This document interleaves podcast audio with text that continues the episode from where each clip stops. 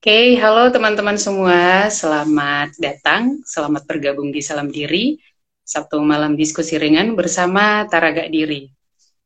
Pada malam ini, uh, kita akan ditemani oleh Kak Dinda untuk membahas mengenai julid atau komentar berlebihan gitu.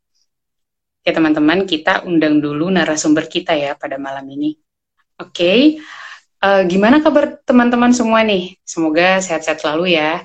Yang lagi kurang fit, uh, semoga segera diberikan kesehatan. Dan yang lagi fit, semoga kesehatannya tetap terjaga. Apalagi di musim hujan kayak gini ya. Baik, uh, sambil menunggu narasumber kita untuk bergabung, saya ingin, oh ya ini, udah terhubung. Halo Kak, selamat malam. Malam. Oke. Okay. Uh, eh, tadi sempat ada jaringan kayaknya ya, terhalang sama jaringan tadi ya. Trouble sedikit ya. Iya, trouble sedikit ya, oke. Okay. Baik, uh, jadi Kak Dinda ini merupakan seorang sarjana psikologi sekaligus magister psikologi juga gitu ya. Dan sekarang lagi berada di Aceh Iya. Dan kesehariannya adalah seorang dosen psikologi di Universitas Muhammadiyah Mahakarya Aceh. Seperti itu ya kak ya? Iya betul.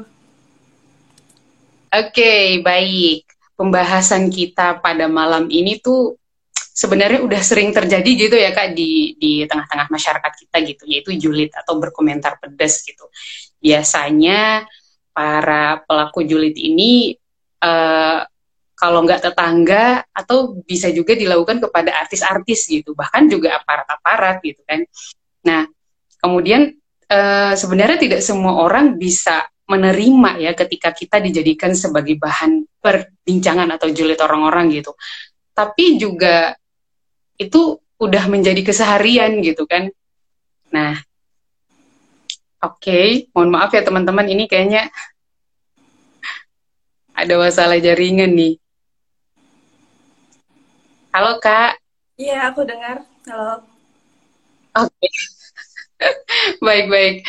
Uh, ya Kak, seperti itu. Jadi sebenarnya julid itu apa sih Kak gitu? Kenapa bisa ada gitu loh yang yang melanggengkan atau melakukan julid ini gitu. Padahal kan kalau kita kembalikan ke diri kita gitu ya, tentu kita nggak mau jadi bahan perjulitan gitu. Tapi kenapa dilakukan oleh orang-orang tertentu ini gitu? Uh, baik, langsung aja ya kak ya. Uh, sebelumnya terima kasih sudah mm. diperkenalkan oleh teman-teman sekalian. Semoga malam minggu teman-teman sekalian uh, lancar-lancar walaupun di rumah aja gitu ya. Men menonton kita ya kak ya. nah, jadi kalau misalnya ditanya julid itu apa sih? Nah dasarnya julid itu tuh waktu itu ditenarkan oleh Syahrini ya. Syahrini artis uh, artis Indonesia yang itu tuh bahasa Sunda. Itu bahasa Sunda uh, yang diambil dari kata binjulit yang artinya iri atau dengki. Gitu Kak. Jadi kalau misalnya hmm. ada pertanyaan julid itu apa sih? Julid itu sesuatu yang dilakukan atas dasar rasa iri dan dengki gitu. Lalu kenapa sih uh, kok ada yang melakukan julid gitu? Nah, karena iri atau dengki tadi, uh, sadar nggak sih kalau misalnya orang itu kalau misalnya iri ad, ngerasa ada penyakit hati itu biasanya karena dia ngerasa belum pernah atau tidak bisa ada di titik tersebut. Gitu.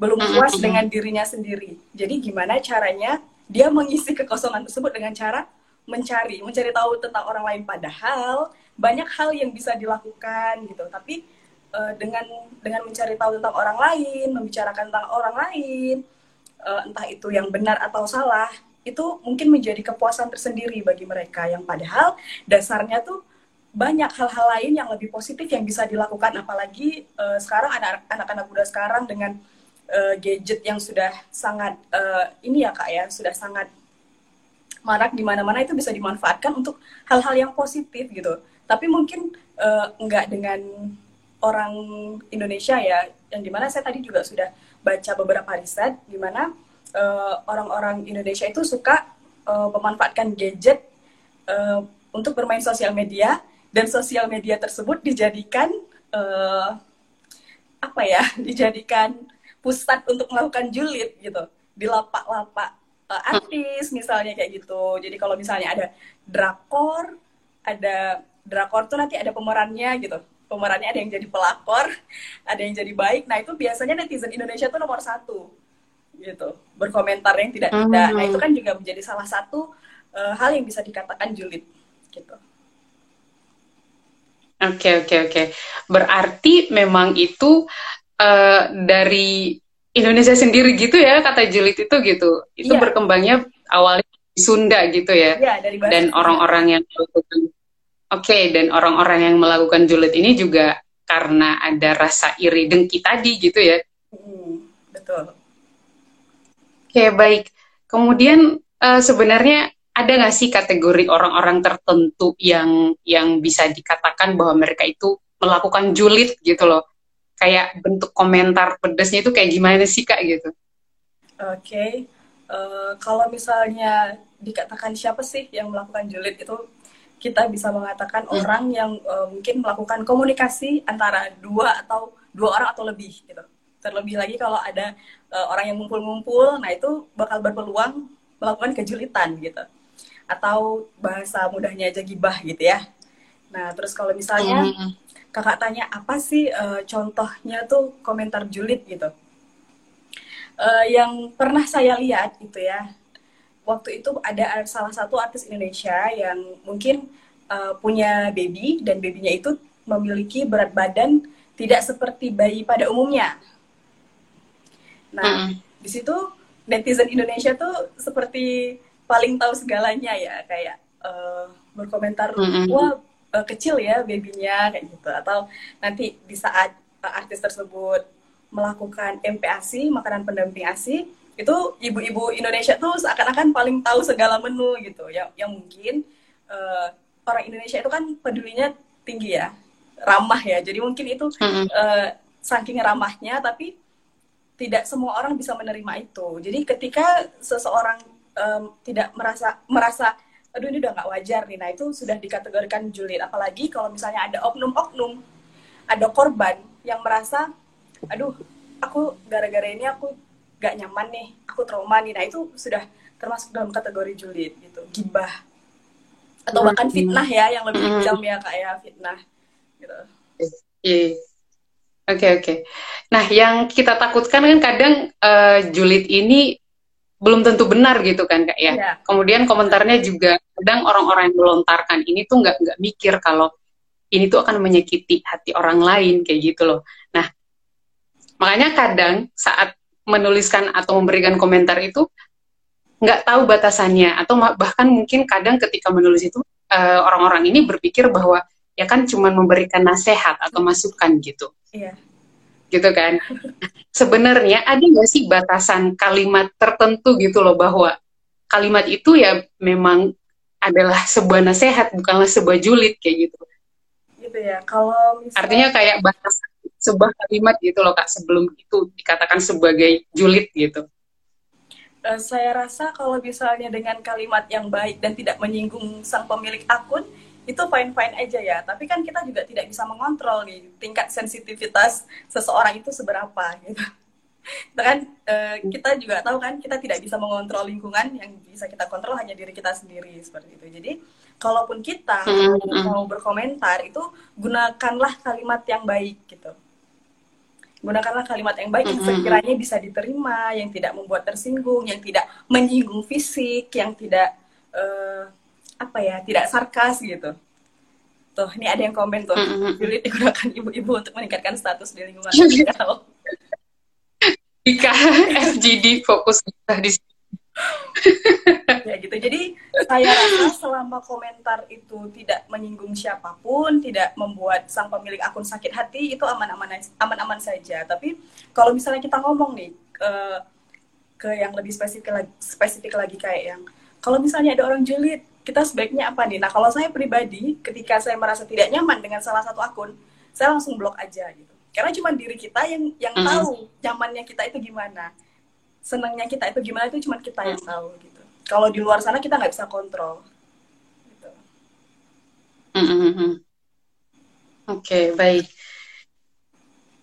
Oke kak, uh, berarti balik lagi ya kepada diri kita gitu bahwa kita perlu tahu hal-hal uh, mana saja yang bisa kita, kita kontrol dan tidak bisa kita kontrol gitu. Kemudian mungkin bagi yang suka im, secara impulsif memberikan komentar-komentar tanpa uh, berpikir terlebih dahulu gitu atau tidak mencerna kalimatnya dengan baik, mungkin sebaiknya untuk uh, sebaiknya belajar ya untuk lebih mencerna lagi gitu loh uh, kalimat yang akan dikeluarkan gitu. Karena fenomena ini kan tidak hanya terjadi di media sosial ya kak ya, yeah. dalam bentuk komentar yang ditulis, tapi juga dalam kehidupan bertetangga gitu kan. Ada sebuah perkumpulan fokus gibah di sini gitu kan. Udah isinya tuh kadang-kadang uh, entah kenapa itu akhirnya seperti sebuah keseharian gitu. Iya, karena juga mungkin karena di Indonesia itu selalu ada budaya kapan ya kalau misalnya kumpul tuh kapan kuliah? Kap kapan mulai kuliah? Kapan lulus? Kapan nikah? Kapan punya anak? Uh, kapan uh, punya anak lagi gitu? Kapan si punya si A siapa si si si adik punya adik lagi? Gimana sih itu kalimatnya? Jadi itu juga yeah, yeah. menjadi salah satu yang bisa disebut julid ya. Ya seperti yang saya bilang tadi mm. mungkin mungkin uh, mereka itu awalnya niatnya peduli cuman caranya salah tapi uh, nggak mm. jarang juga uh, semakin ke sini tuh ada beberapa ibu-ibu uh, yang sudah mulai sadar bahwasannya pertanyaan sensitif seperti itu tidak perlu dikeluarkan apalagi kalau misalnya ibu-ibu yang punya anak seusia kita gitu yang sudah paham bahwasannya ada beberapa hal yang perlu ditanyakan, ada yang perlu tidak, yang ada yang tidak perlu ditanyakan gitu. Ada hal yang perlu kita ketahui tapi ada yang tidak perlu diketahui gitu. Kok saya lama-lama turun ya?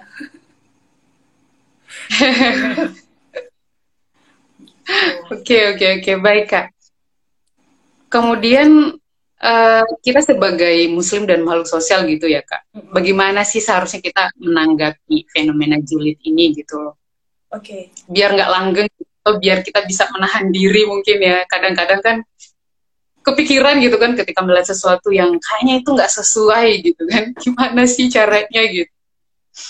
Uh, kalau misalnya uh, kita bicarain kita adalah sebagai makhluk uh, sosial, terus bagaimana menanggapi fenomena juri tersebut ya.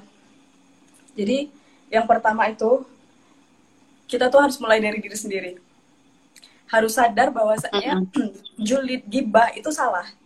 Jadi ketika kita diposisikan saat kita ada di lingkungan yang itu berkemungkinan gibah itu dimulai, kita harus ada rasa untuk ngerem gitu. Karena mm. eh, pernah nggak sih kak ngerasa kayak dalam suatu perkumpulan udah mulai ada eh tau nggak sih si ini ini ini terus pasti nanti kalau ada satu aja yang negor ya udah sih hidup hidup dia pasti berhenti gitu pasti nggak jadi gibahnya. Mm -hmm. pasti nggak jadi gibahnya kayak gitu. Nah jadi uh, perlu saya tekankan mm. lagi untuk menghentikan fenomena ini ya harus dimulai dari diri sendiri kayak gitu. Diri sendiri mm -hmm. itu juga harus sadar.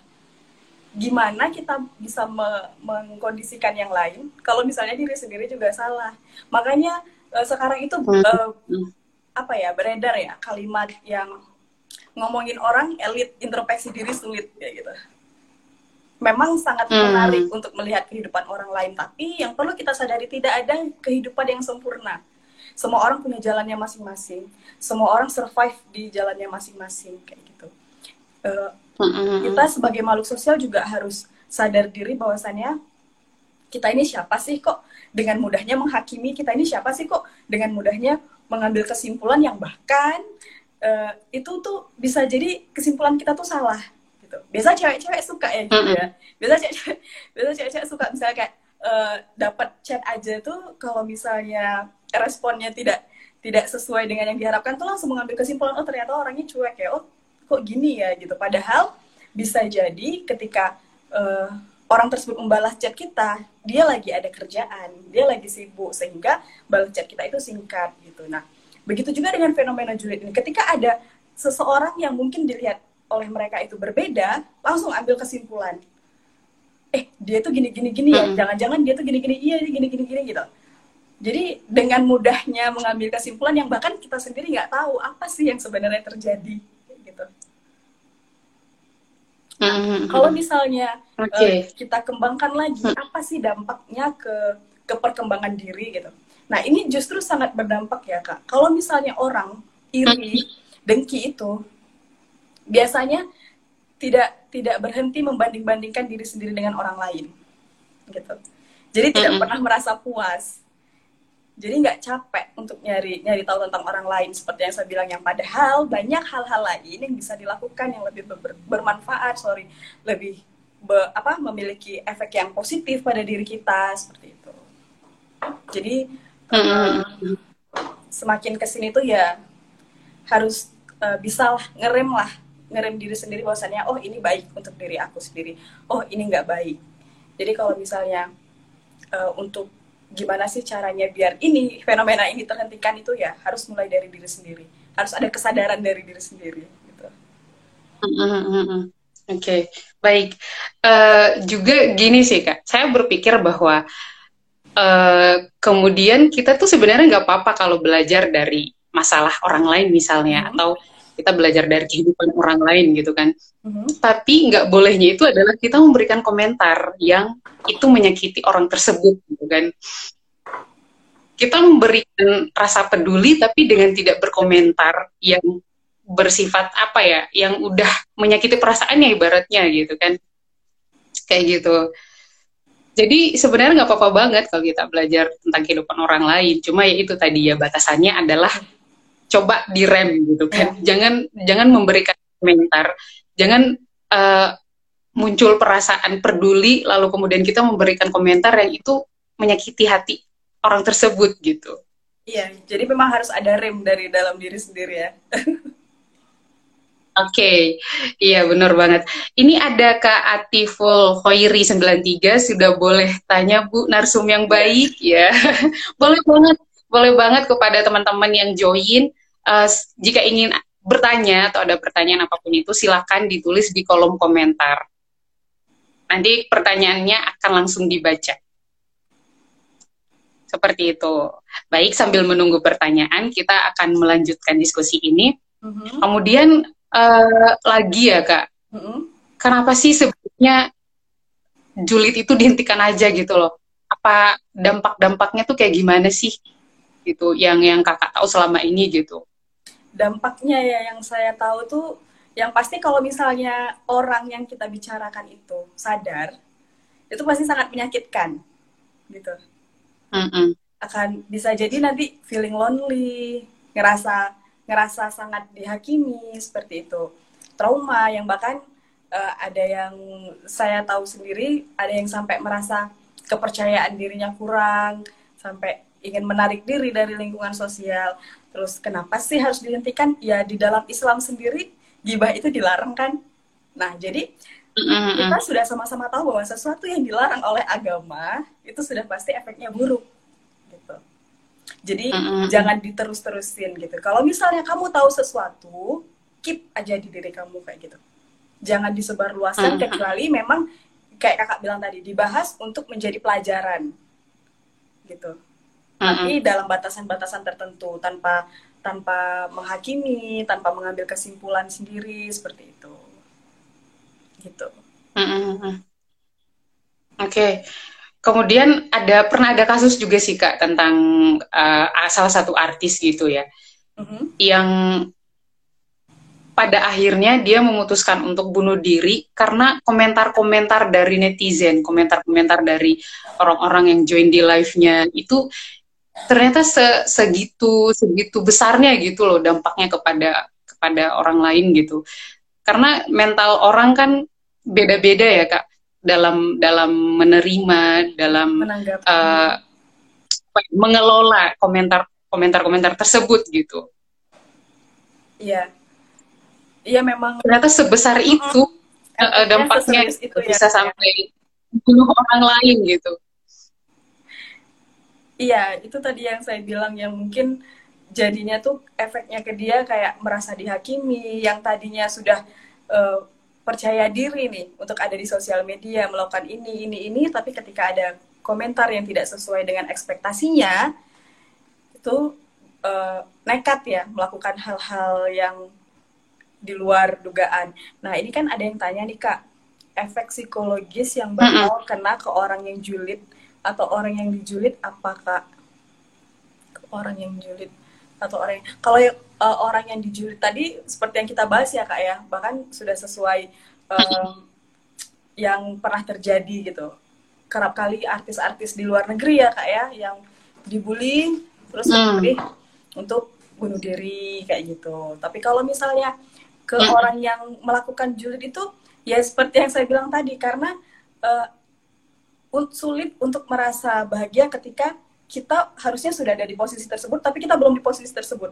Itu yang hal awal yang memunculkan rasa iri tadi. Nah, ketika iri terus mencari tahu gitu, itu mungkin akan menjadi kepuasan tersendiri ya bagi bagi beberapa oknum kayak gitu. Apalagi uh, saya waktu itu pernah uh, melihat gitu ada oknum yang uh, sengaja berada di suatu tempat untuk mendokumentasikan orang lain dan dijadikan bahan gibah gitu. Nah, itu apa sih hmm. psikologisnya gitu kira-kira? Ya mungkin dengan dengan begitu mereka merasa senang gitu. Merasa senang, merasa puas yang hmm. yang bahkan mereka juga mungkin gimana ya? Padahal dunia itu tidak sesempit itu gitu. Dan orang yang terlihat hmm. tidak tahu itu sebenarnya tidak sepolos itu juga gitu. Ngerti nggak hmm. sih Kak maksudnya? Paham, paham. Iya gitu. Artinya uh, ibaratnya gini bisa jadi julid ini kan karena atas dasar iri dan dengki gitu ya. Hmm. Bisa saja julid ini perilaku julid ini akan berkembang ke hal yang lain. Misalnya kayak tadi contohnya ya kayak ya, yang sampai saking dalamnya irinya, saking dalamnya dengkinya gitu, berupaya untuk gimana caranya targetnya ini bisa jatuh sejatuh-jatuhnya gitu. Akhirnya dengan cara mengcapture gitu ya atau yeah. atau merekam video gitu ya untuk disebarkan sebagai sumber fitnahnya gitu. Seperti itu. Iya, yeah. seperti itu maksud saya Kak. Jadi dengan dengan cara-cara itulah uh, yang bahkan kalau kayak kita sendiri saya ya kalau saya mikirnya tuh kayak ya ampun banyak loh hal-hal lain yang bisa dikerjakan. Kenapa sih segitunya? Gitu. Uh, apalagi uh, kalau di sini tuh ya kak di Aceh kalau misalnya uh, ada stigma-stigma tertentu yang dirasa gak etis misalnya kayak ada cewek gitu cewek nongkrong sendiri gitu kan ya yang padahal kalau kita kalau kita di Jogja biasa aja ya kak ya. Nongkrong sendiri ya gitu. Tapi mungkin kalau di sini tuh terlihat aneh gitu. Maksudnya memunculkan stigma-stigma kenapa ya sendiri apa nggak punya teman gitu. Kenapa sendiri gitu. Nah itu itu menurut saya uh, rawan ya. Jadi kayak itu tuh menjadi peluang untuk jadi korban gibah gitu Hmm. Karena saya pernah menyaksikan sendiri, makanya saya bisa bercerita gitu.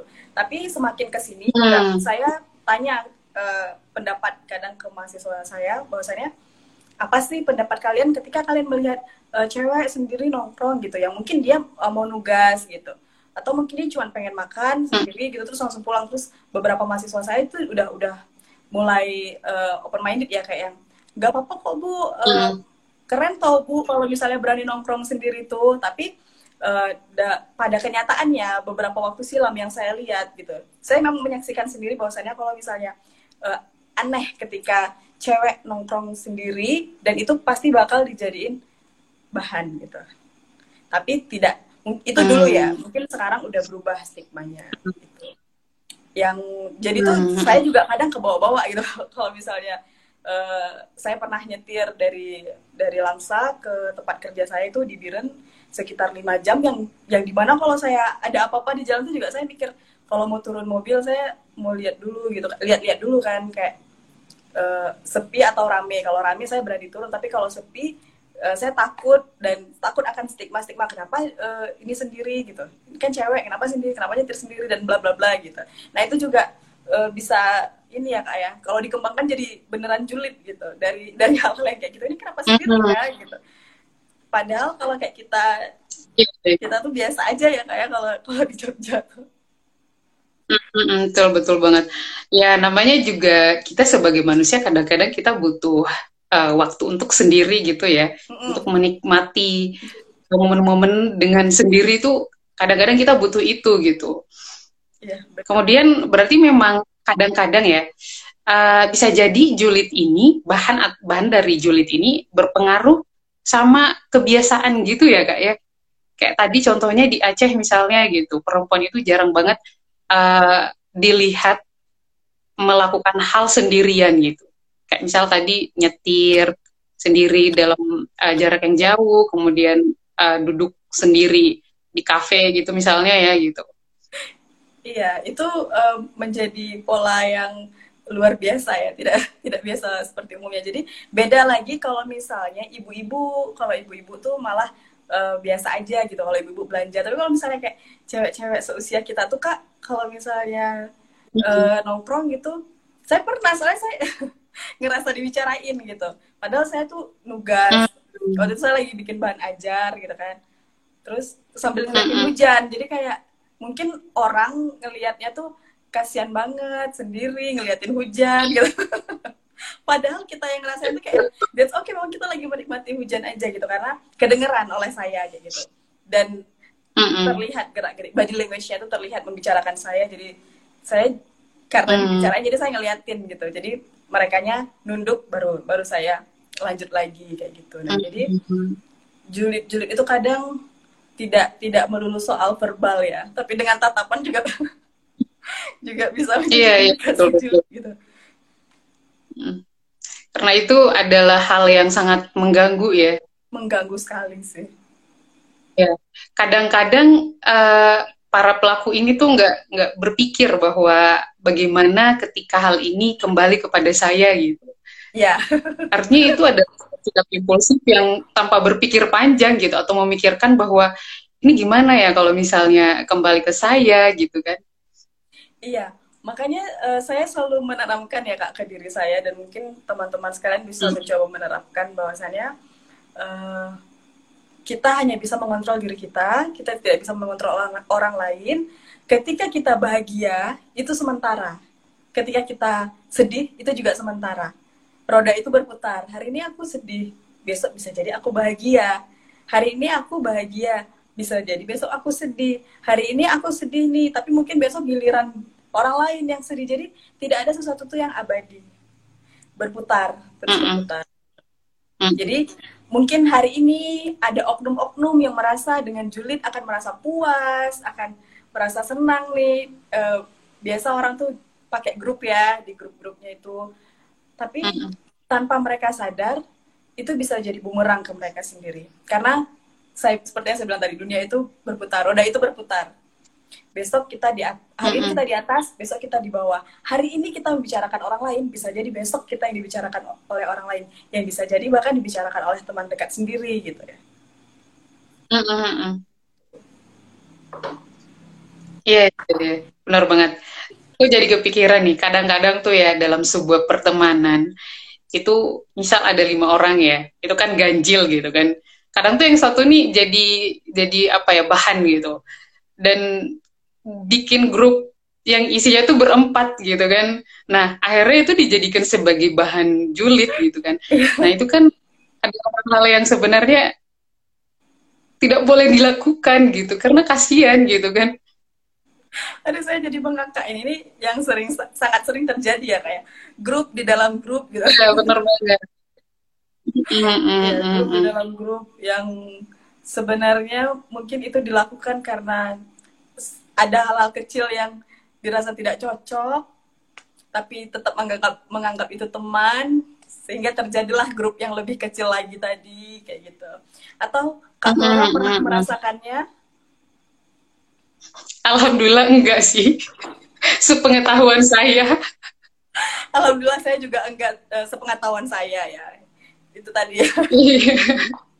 yang kita bilang kita tidak, tidak pernah tahu apa yang terjadi sebenarnya tidak pernah mm-hmm. tidak pernah bisa mengontrol ya.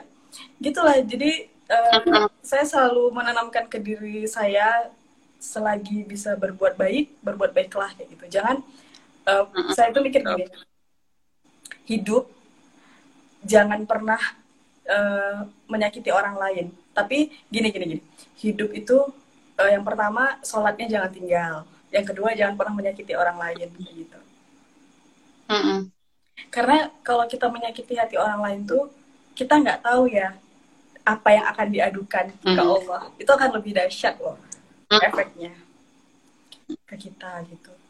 Uh, ya, betul banget. ada orang yang merasa dizolimi oleh kita gitu. Mm -hmm. itu sih kak yang yang iya, benar. yang benar-benar harus dijaga gitu. Apalagi kalau kayak uh, saya saya berhadapan dengan mahasiswa uh, yang mungkin mahasiswa saya sendiri pun ada yang manggil saya dengan nama loh kak. Hmm, hmm, hmm, ketika tapi saking kan, akrabnya gitu. Saking akrabnya. Jadi saya tanya kenapa kok manggil nama? Gitu kan. Terus jawab iya kan kak kan kita cuma beda satu tahun gitu. Oke. Oke okay. uh, di situ saya mencoba untuk tidak jadi gapnya nggak jauh ya. Di situ saya mencoba untuk tidak menjudge bahwasannya uh, kamu tuh nggak boleh gitu. Itu nggak sopan dan lain-lain. Karena saya rasa ketika kita bisa menyampaikan itu dengan baik uh, ya maka hasilnya baik pula. Tapi kalau misalnya kita uh, menyampaikannya ih nggak boleh tahu gitu. Kamu sama dosen walaupun seumuran jangan panggil nama bla bla gitu kan. Nah mungkin dari situ nanti bisa sakit mm -hmm. hati gitu.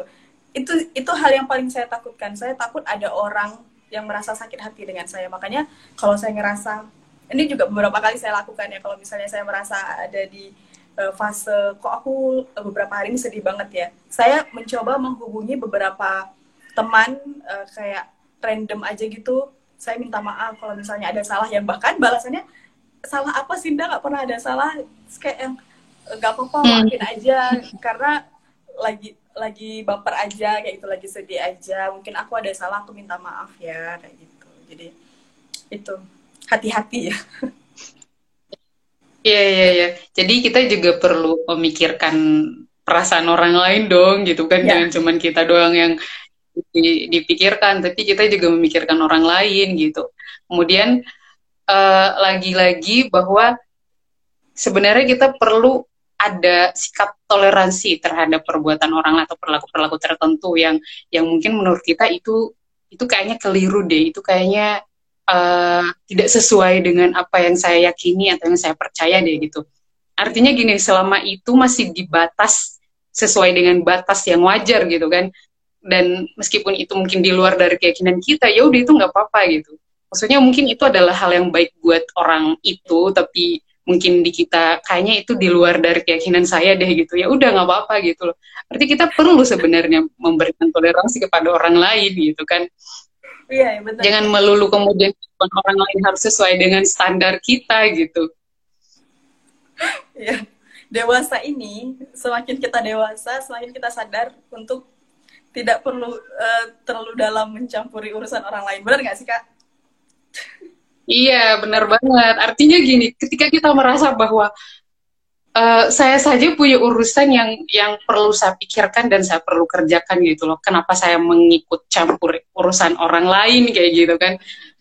Jadi bisa jadi orang-orang julid ini memang tidak mempunyai ini sih. Uh, artinya waktunya banyak gitu. Banyak waktu kosongnya banyak waktu luangnya gitu kan. Dan tidak ingin berusaha untuk menyibukkan diri dengan hal yang lain gitu. Iya. Uh, makanya benar banget ya kak. Kadang kita tidak tidak bisa ada hal-hal yang sebenarnya kita tidak bisa toleransi tapi uh, kita punya pilihan hmm. untuk ya udah tinggalkan gitu pergi kita lebih lebih lebih memilih untuk pergi meninggalkan daripada kita juga uh, terus-terusan berada di di tempat tersebut dan berusaha menjelaskan kalau ini tuh nggak baik loh, ini tuh salah loh gitu. Jadi lebih baik pergi gitu. Ada ada beberapa oknum juga yang mungkin Kak Tora tahu atau kayaknya saya pernah cerita gitu. kalau misalnya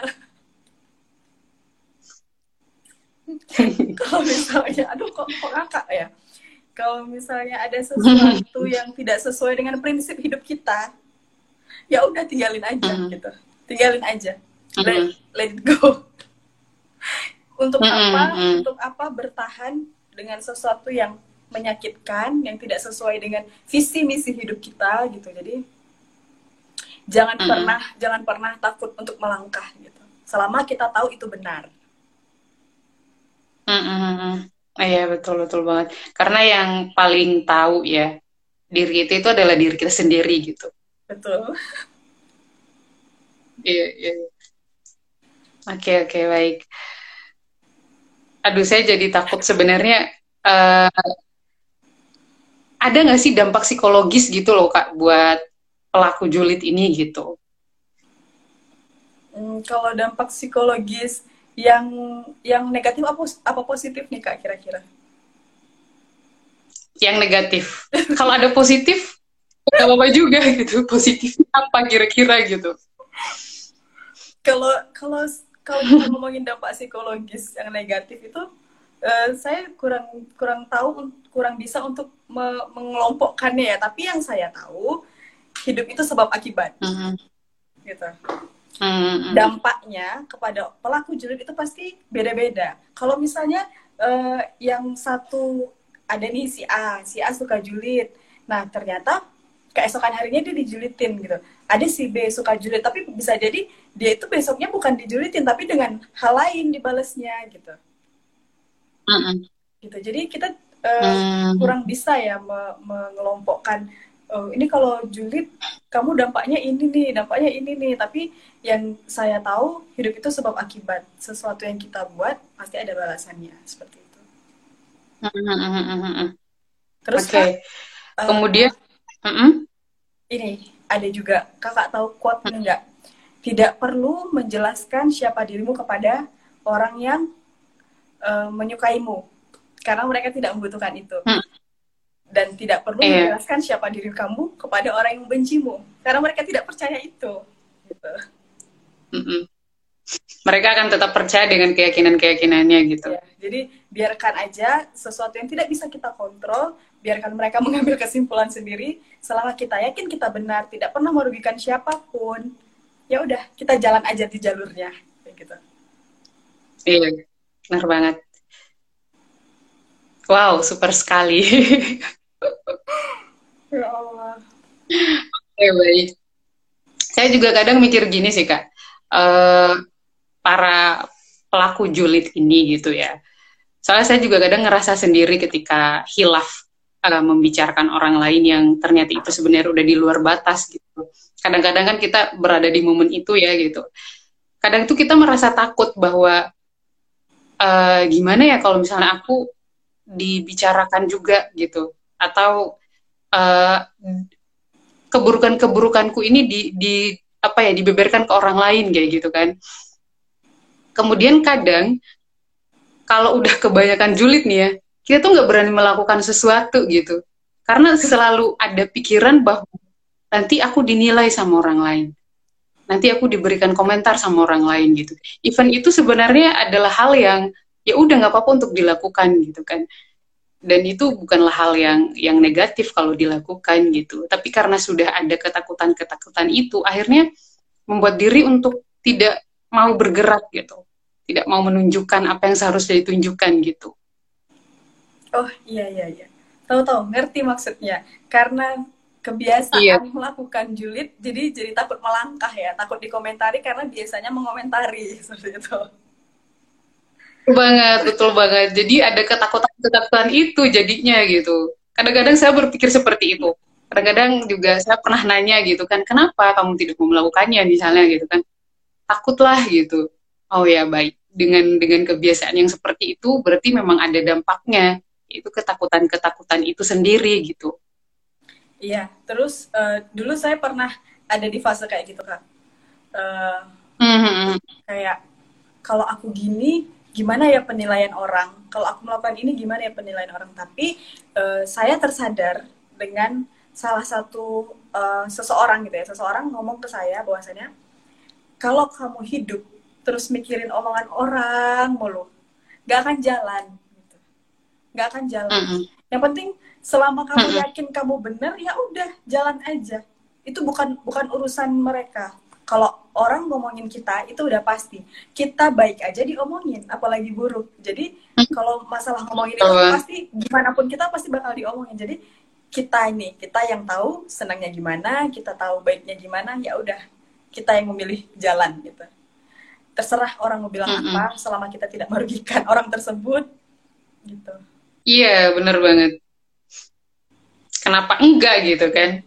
Betul. Kenapa enggak untuk dilakukan gitu? Apalagi kalau yang berhubungan sama perkembangan diri gitu kan? Ya, meningkatkan value ya kayak upgrade upgrade diri. Hmm.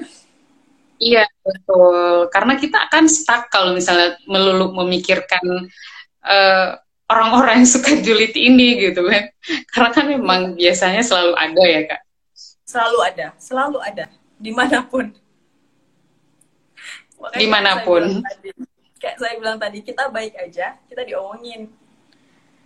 Apalagi mm -hmm. kalau kita nggak baik gitu. Jadi ya udah selama kita yakin kita baik ya udah jalan aja. Tapi juga nggak nggak boleh ria ya kayak merasa diri sendiri udah paling baik gitu juga enggak maksudnya itu selama di jalan kita tidak mengganggu nah. orang lain gitu ya.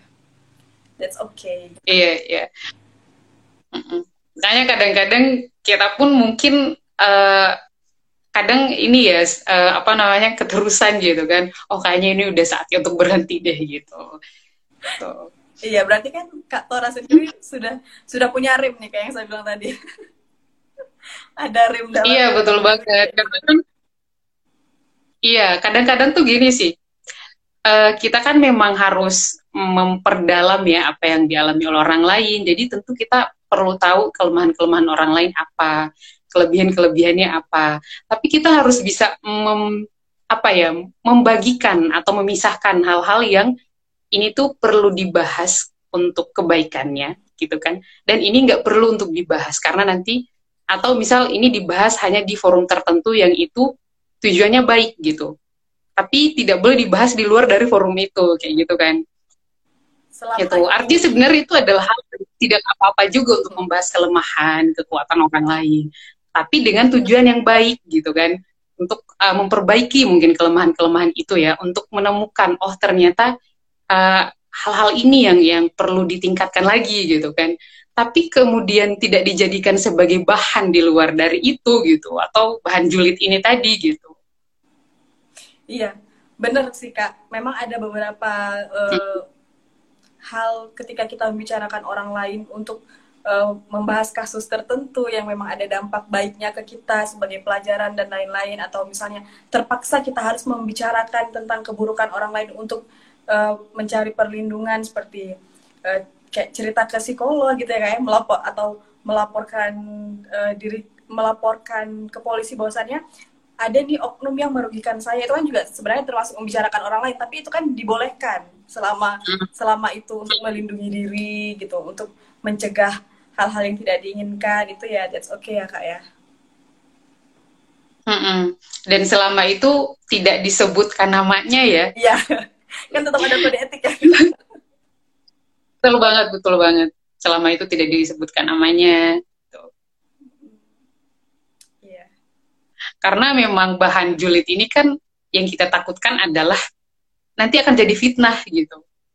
Karena kadang-kadang bahan julid itu adalah hanyalah sebuah asumsi atau spekulasi gitu yang yang belum tentu itu benar terjadi gitu iya. itu adalah potongan-potongan informasi yang kemudian dihubungkan lalu disimpulkan sendiri gitu tanpa mengetahui informasi se secara menyeluruh gitu. Iya, benar banget. Jadi dari judul itu sebenarnya merembetnya ntar ke fitnah gitu. Karena uh, mm -mm. yang pertama gibah aja itu udah dilarang ya. Apalagi kalau yang uh, mm. Apalagi kalau yang digibahin itu sesuatu yang tidak benar. Itu udah zolim tuh jatuhnya. Mm. itu udah jatuhnya ke fitnah dan itu dosa banget ya kak ya kalau udah sampai fitnah tuh ya selain merugikan korban terus apalagi kalau disebar-sebar uh, dengan sosial media ini ya terlebih dari Instagram dari WhatsApp yang mungkin uh, salah satunya kayak saya ya suka ngepost uh, keseharian gitu. Uh, yang bikin saya senang saya post tapi kan ada beberapa uh, bukan hanya saya saja misalnya beberapa orang lain juga. Tapi pasti ada oknum-oknum yang uh, melihatnya tuh beda. Kayak gini misalnya ada orang orang uh, senang dengan pencapaiannya maka dipostinglah pencapaian tersebut. Kalau saya memandang orang seperti itu saya senang. Kenapa? Wah keren ya wah selama ini apa ya yang yang dia lakukan sehingga dia bisa ada di titik itu sekarang kayak gitu keren sih ini keren gitu itu jadi hmm. jadi motivasi ke saya tapi tidak tidak bisa kita pungkiri juga ada beberapa oknum uh, karena saya juga pernah dengar sendiri makanya saya bisa ngomong kayak gini yang menilai ih sombong banget kayak gitu ih sombong banget gini aja di posting mm -hmm. gitu iria banget yang padahal mm. yang perlu kita tahu itu uh, kita nggak pernah nggak pernah tahu tuh proses dia mencapai itu tuh gimana sih susahnya gitu. Jadi ngeposting mm -hmm. sesuatu tuh hak hak semua orang gitu. Jadi saya juga punya mm -hmm. punya teman beliau bilang memang postingan eh, postingan-postingan itu sebenarnya memancing gitu. Memancing untuk orang bertanya-tanya untuk orang mengambil kesimpulan. Tapi ya itulah fungsi sosial media kayak gitu. Kita kita posting ini posting itu story ini story itu ya ya udah selama mm-hmm. kalau saya kalau saya pribadi selama itu tidak merugikan saya dan saya masih bisa memandang itu secara positif ya nggak apa-apa kayak gitu mm-hmm. tapi ya memang kita tidak bisa pungkiri dengan uh, dengan persepsi orang lain kan persepsi orang kan beda-beda ya kak ya mm-hmm.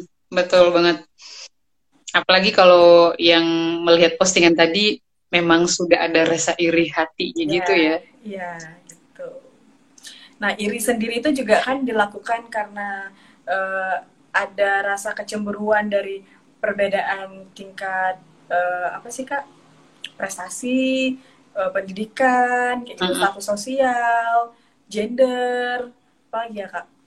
Uh -huh. Ada beberapa lagi ya uh, yang yang mungkin uh -huh. Itu bisa menjadi dasar untuk orang tidak suka, untuk orang iri, yaitu yang seperti yang saya bilang tadi -huh. akan sulit untuk berbahagia ketika dia merasa harusnya aku sudah di fase itu tapi aku belum di fase itu. Padahal setiap orang kan jalannya beda-beda. Ada yang komen nih, semangat mm -hmm. Dindul. Iya, thank you Ica. Kok aku nggak nggak masuk ya komen-komen gitu ya? Oh iya, ada tau kak. Eh, Mas Atif masih ada di sini nggak ya? Masih mau bertanya nggak ya Mas Atif? Aku lama-lama turun ya duduknya. Mas Atif.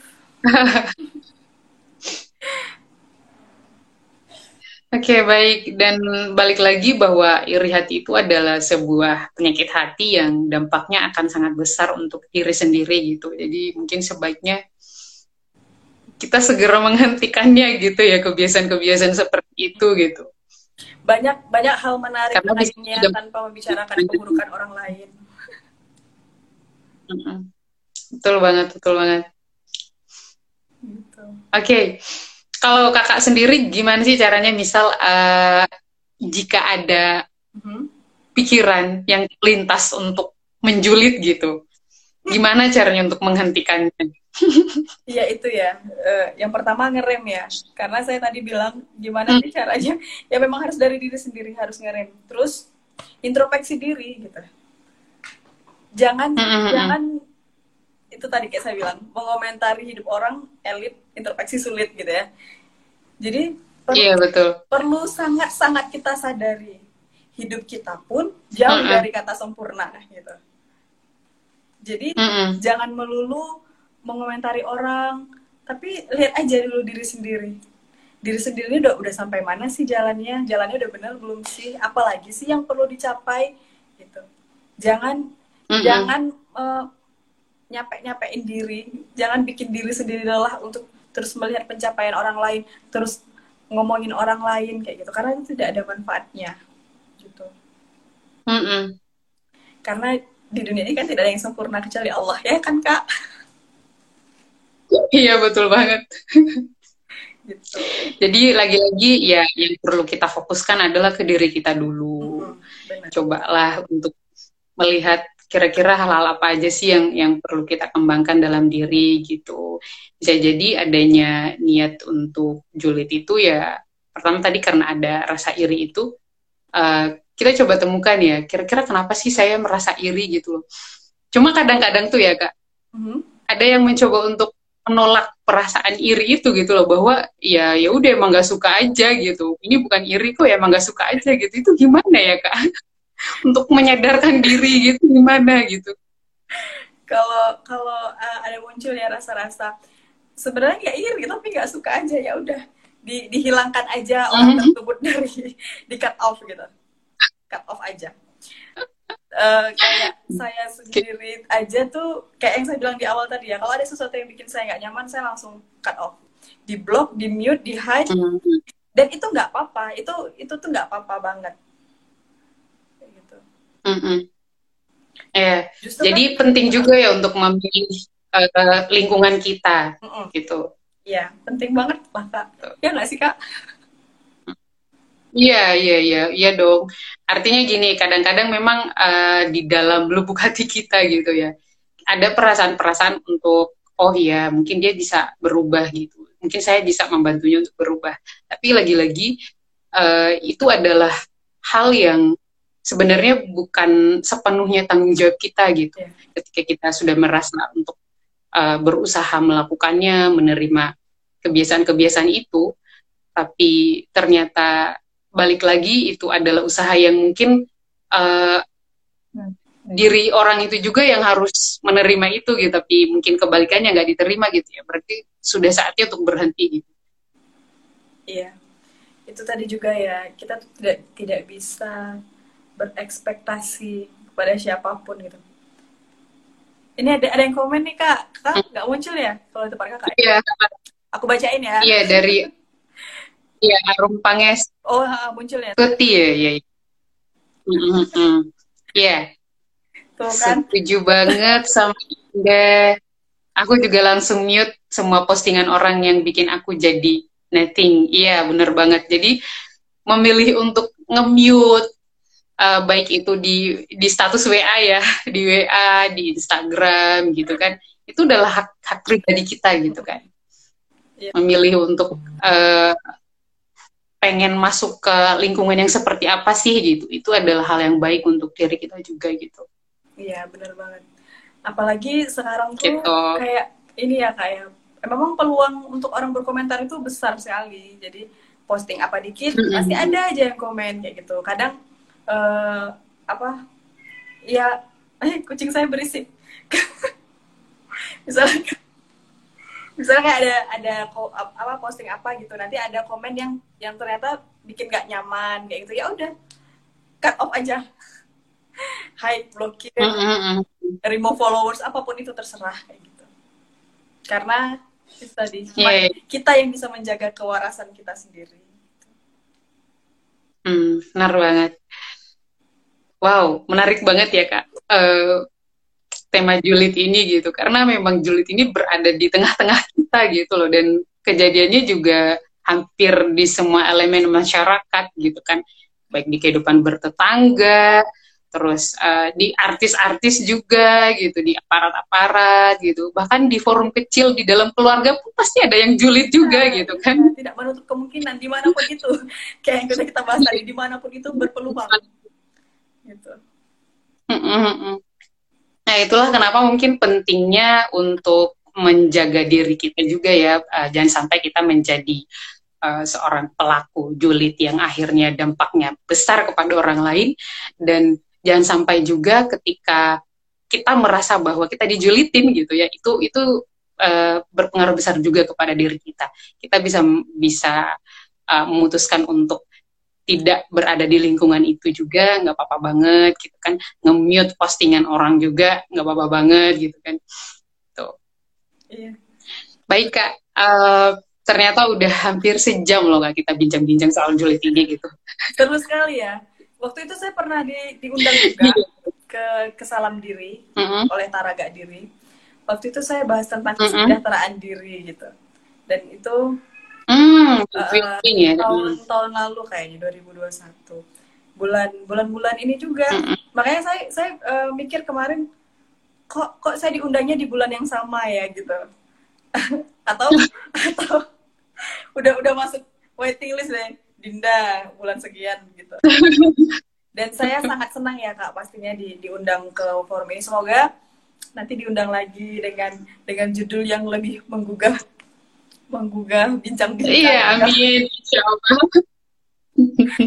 Siap kak, pokoknya tunggu saja undangan selanjutnya. ya, siap, saya pasti menunggu undangan selanjutnya gitu. Karena uh, kemarin aja waktu dapat judul gini kan, wih keren nih judulnya sampai mm -hmm. ada teman saya nanya, Mas Dika ya yang yang bilang bukan bukan nanya, eh iya Mas Dika tuh nanya gini, jadi Din kamu pernah kamu pelaku atau korban gitu.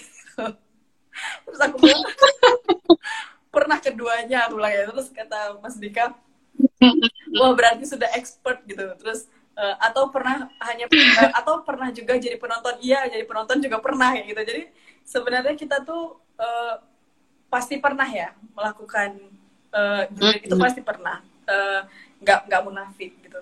Pasti pernah julid pasti pernah jadi korban dan pasti pernah hanya menjadi penonton kayak gitu. Tapi setelah dewasa ini kita juga harus tahu apa apa sih yang sebaiknya dibahas atau enggak lebih baik uh, berbicaralah yang baik atau diam gitu. Jadi kalau misalnya hmm. sekiranya ini pembahasannya bagus gitu, boleh dibahas. Tapi kalau misalnya nggak nggak baik yang malah membicarakan orang lain, membicarakan keburukan orang lain, nggak usah deh kayak gitu. Capek-capekin diri mm -hmm. sendiri. gitu. Mm -hmm. Betul. Masih banyak kok uh, pembahasan yang lebih menarik gitu ya. Betul. Baik Kak, oke. Okay. Itu adalah sebuah closing statement yang sangat uh, menggugah juga, yang sangat uh, apa ya, sangat berarti juga ya Kak, bahwa ternyata ya kita perlu merem diri juga gitu kan. kita harus belajar untuk itu gitu. Ada lagi nih Kak. Dan kita juga tidak ya gimana? Hidup ini terlalu singkat uh, untuk mendengarkan komentar orang lain. Jadi lebih baik kita uh, mengupgrade diri, meningkatkan value, belajar lebih banyak lagi yang uh, lebih membawa manfaat bagi sesama. Tahu nggak kak kalimat uh, urip iku urup? Mm -hmm. Itu artinya apa kak? Uh, hidup itu ya hidup. Jadi di dalam hidup itu kita harus memberikan manfaat ke orang lain gitu. Kalau misalnya manfaatnya hmm. lebih besar, ya itu lebih baik lagi kayak gitu. Urip itu mm -hmm. urup. gitu. Hmm, Wow, mantap, luar biasa sekali. Terima kasih Kak atas wejangannya untuk malam ini. Ini Kak Pak para Marta Dewi, iya sama-sama Kak. ya. Ini yang undang ya, yang ngasih undangan ke Art. Iya, aku tuh kayak, ya Allah aku dapat dapat judul yang menarik. Deh. iya karena ini tuh sangat dekat ya dengan kita gitu. Jadi... dan kita juga tidak inginkan bahwa kita pernah jadi pelaku dan juga mungkin jadi korban gitu kan. Lima menit sebelum live tadi aku tuh sempat teleponan sama temanku. Uh, dia bilang uh -huh. uh, emang nih nanti bahasnya bakal lebih ke mana nih? Katanya. Terus aku bilang ya kalau misalnya dengan judul seperti ini ya lebih ke real life kayak gitu. Ya memang didasari oleh beberapa jurnal yang yang mencari tahu dulu di sebenarnya iridan itu didasari oleh apa sih kayak gitu. Tapi yang selebihnya di live gitu. Memang lebih lebih enak dan lebih nyantol ya kayak ya, kalau kita langsung dihadapkan dengan situasi yang kita pernah ada sudah terjun langsung sudah iya, di lapangan. iya iya apalagi ini kan dari awal memang sudah dinotis bahwa ini adalah sebuah fenomena yang marak terjadi gitu kan dan, dan sering gitu jadi akan akan lebih bagus lagi kalau kita sangkut pautkan dengan real life gitu kan. Iya betul. Oke kak, ternyata udah jam 9 gitu. Makasih banget ya kak ya, untuk ya. malam ini gitu. Iya. Lagi-lagi semoga nggak diundang untuk uh, tema berikutnya gitu. Amin, semoga saya diundang ya kak ya, diundang lagi. Semoga tidak bosan-bosan. Yeah. Baik, um, terima kasih kepada teman-teman semua yang udah join. Uh, padahal malam ini malam minggu ya, tapi malam minggunya produktif sekali gitu. Uh, semoga kita semua diberikan kesehatan, Kak Dinda juga gitu pada teman-teman yang udah join juga. Ya semoga uh, hari-hari esok lebih cerah gitu ya. Kalau hari ini yang lagi seduh badai segera berlalu yang lagi sedih segera senang Iya. kembali. Pokoknya semua itu berputar, tenang aja. Tenang aja. Oke, iya semua itu berputar banget. Ya, baik teman-teman semua, eh, jangan lupa saksikan terus Salam Diri Sabtu malam diskusi ringan bersama Teraga Diri setiap malam minggu jam 8 sampai jam 9 malam. Oke Kak, terima kasih banyak. Saya tutup ya Kak. Iya, thank you juga Kak Tora. Assalamualaikum. Waalaikumsalam. Selamat beraktivitas. Iya, itu Kak dan teman-teman sekalian. Bye-bye. Ya, Bye.